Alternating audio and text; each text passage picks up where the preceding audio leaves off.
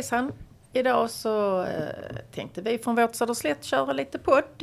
Eh, och vi är fyra stycken här samlade runt bordet som kan själv få presentera er. Ja, det är Kia här. Ja, och sen till här. Och här sitter Christer. Och jag är ju Maria då. Eh, vi tänkte prata lite om ansvar, framförallt ekonomiskt ansvar. Eh, hur det ser ut i denna kommunen. Ehm, jag läste i media idag att man tänker riva ytterligare ett hus nu, men nu är vi uppe i Mellanköpinge. Ja, det är ju, det är ju helt märkvärdigt, underskott i kommunens ekonomi. Då, har, då lägger man pengar på att riva fastigheter.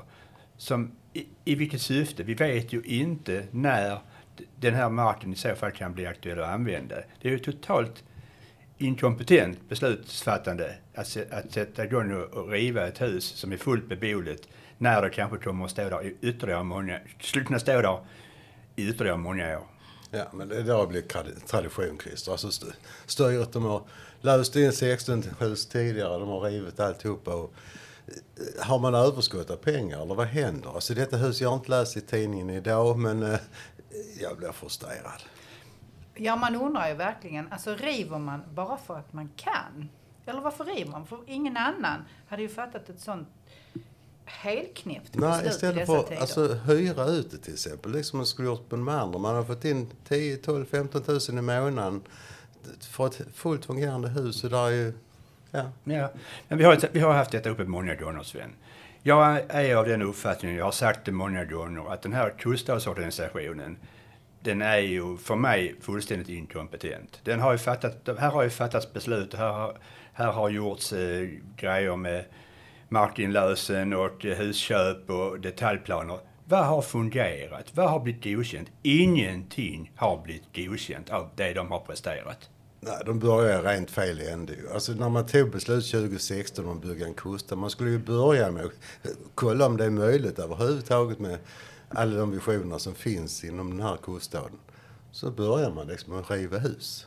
Ja. ja, och nu är det ju så mycket hack i maskineriet för det finns ju ingen detaljplan till den här yttre ringvägen som man vill göra. Och där är, den här evakueringsvägen ligger ju fortfarande en juridisk process. Ja, och vi har stora frågeställningar när det gäller västra ringvägen som, som också behövs. Man kan ju tänka på detta. Jag, jag tänker ofta på det när jag kör här, man, man kommer ner till Maglarp och sen så eh, kör man in mot stan och så tänker man på hela all denna trafik ska ringla sig i en lång orm runt staden i sakta mak. Det, det, alltså det, eh, hur är det tänkt? Ogenomtänkt skulle jag vilja säga. Sen pratar man så mycket om hållbar utveckling. Det, det har ju blivit ett eh, uttryck i kommunen. Där finns ju många hållbarhetsstrateger inom alla områden. Men man pratar, eller tänker överhuvudtaget inte på någon hållbar utveckling och miljö när man ska dra hela denna omväg, omväg runt hela stan med denna trafiken. Ja, och så, jag tänker också på det här att vi pratade om ansvar. Att man sitter och fattar beslut i kommunfullmäktige. Alltså beslut som rör kommande generationer utan någon som helst eftertanke. Och alla de som sitter i kommunfullmäktige som aldrig säger ett pip utan bara sitter och trycker och trycker och trycker. Vad tycker de egentligen? Tar de ansvar för det här som det fattas beslut för nu? Jättebra Kya. Det, men det är ju, det är ju så. Va? Det, egentligen så är det ju det är en handfull personer som låter göra sina röster hörda. Vissa är ju, någon är superbekväm och trygg med vilka tossiga beslut man än fattar. Så är det liksom helt okej. Okay. Och andra bryr sig väl inte de på samma sätt. Men jag funderar också ofta, ofta över, det sitter 61 ledamöter i fullmäktige är de verkligen övertygade om att de besluten som vi liksom tar för våra barn och våra ungdomar, nästa, nästkommande generationer som ska bo här i detta, att, att det är bra beslut. Som du pratar om, miljö, ekonomi för kommunen och så vidare. Det finns hur många områden som helst som man måste fundera igenom. Vad är bra för, för, vår, för, vad är bra för våra barn och barnbarn de kommande 10, 20 åren, 30 åren? Ja, nej, men jag måste, och det är rätt Christer, för att det, när man tar ett beslut som man gjorde 2010 eller 2016 när det gällde Östlig man måste ju kunna titta tillbaka innan man går framåt. Och, nu tittar man tillbaka så ser man ju allting har ju misslyckats ju, som, som, som man var tänkt. Ju. För man börjar i fel ände. Ja, och håller man då inte med utan är eftertänksam och vill ha bättre underlag, vill ha en större omvärldsanalys, vill ha en bättre research, så är man bakåtsträvare och liksom är inte, man är liksom har ingen framtidsvision.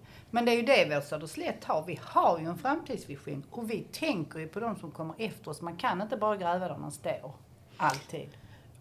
Helt rätt. Och många beslut har passerat bäst före-datum för länge sedan och eh, skulle behövs ra- revideras ett antal gånger. Ja, det är så patetiskt när man står där och får höra att vi tog ett beslut i kommunfullmäktige i februari 2016 och det ska, det ska genomföras. Alltså herregud, det har ju hänt hur mycket som helst i världen sedan dess. Och har man inte förmåga till att ompröva, analysera, konsekvensbedöma beslut om de är bra eller dåliga, alltså, det är, det är ju helt horribelt. Det finns inte någon som helst förmåga till att titta på, är, är detta rätt eller, eller är, är det fel idag?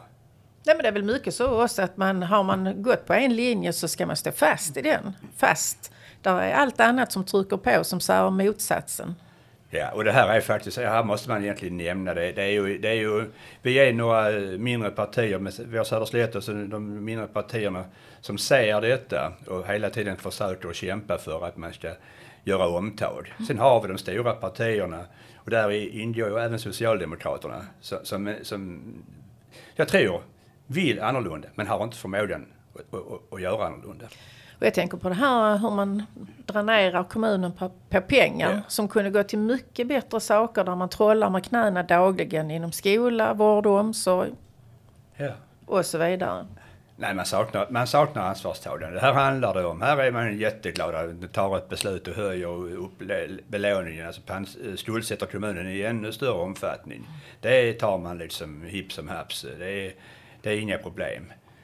Nej, det är, Det är vilket, alltså som jag säger, är synnerligen allvarligt. Mm. Att, att, man, att man gör det så lätt och, och inte tittar på eh, ja, helhetsbilden av, alltid av ekonomin. alltid enklare att köra rakt fram Ja, ja, ja. svänga. Alltså man måste ju, det kräver klart kompetens och kunskap och insikt framför allt. va. Men om man inte har det själv så styret bör lägga om man tog bara några kronor av de konsultkostnader som man lägger ner och lägga på att utreda, är det verkligen möjligt nu med tanke på 2029, Fehmarn Bält och den nya infrastrukturen?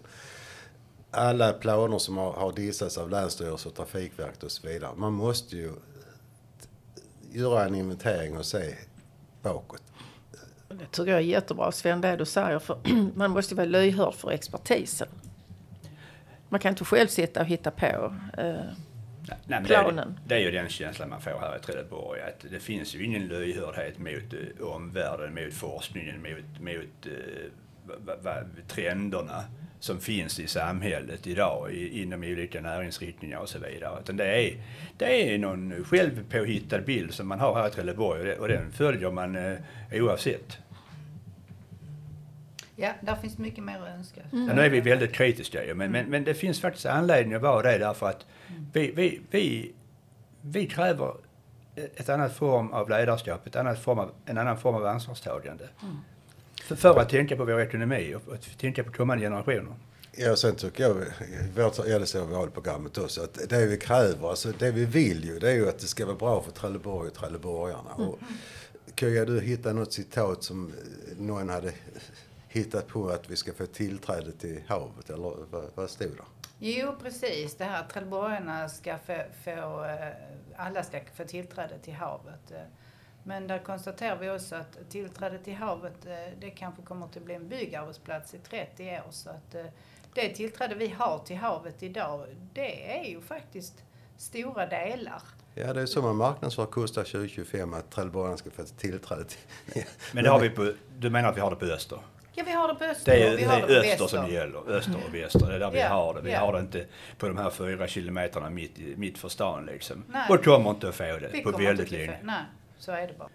Ja, så den där latten eh, nere i eh, Sjö. Sjöstaden, den eh, får man nog vänta lite på. Tyvärr, så är det.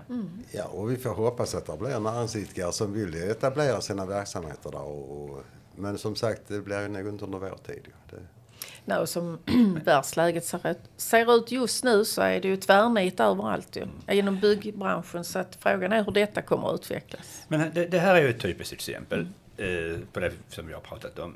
Vi är ju i, i grund och botten positiva till, till Sjöstaden. Men vi har ju sett nu här hur snabbt kan förutsättningarna ändras.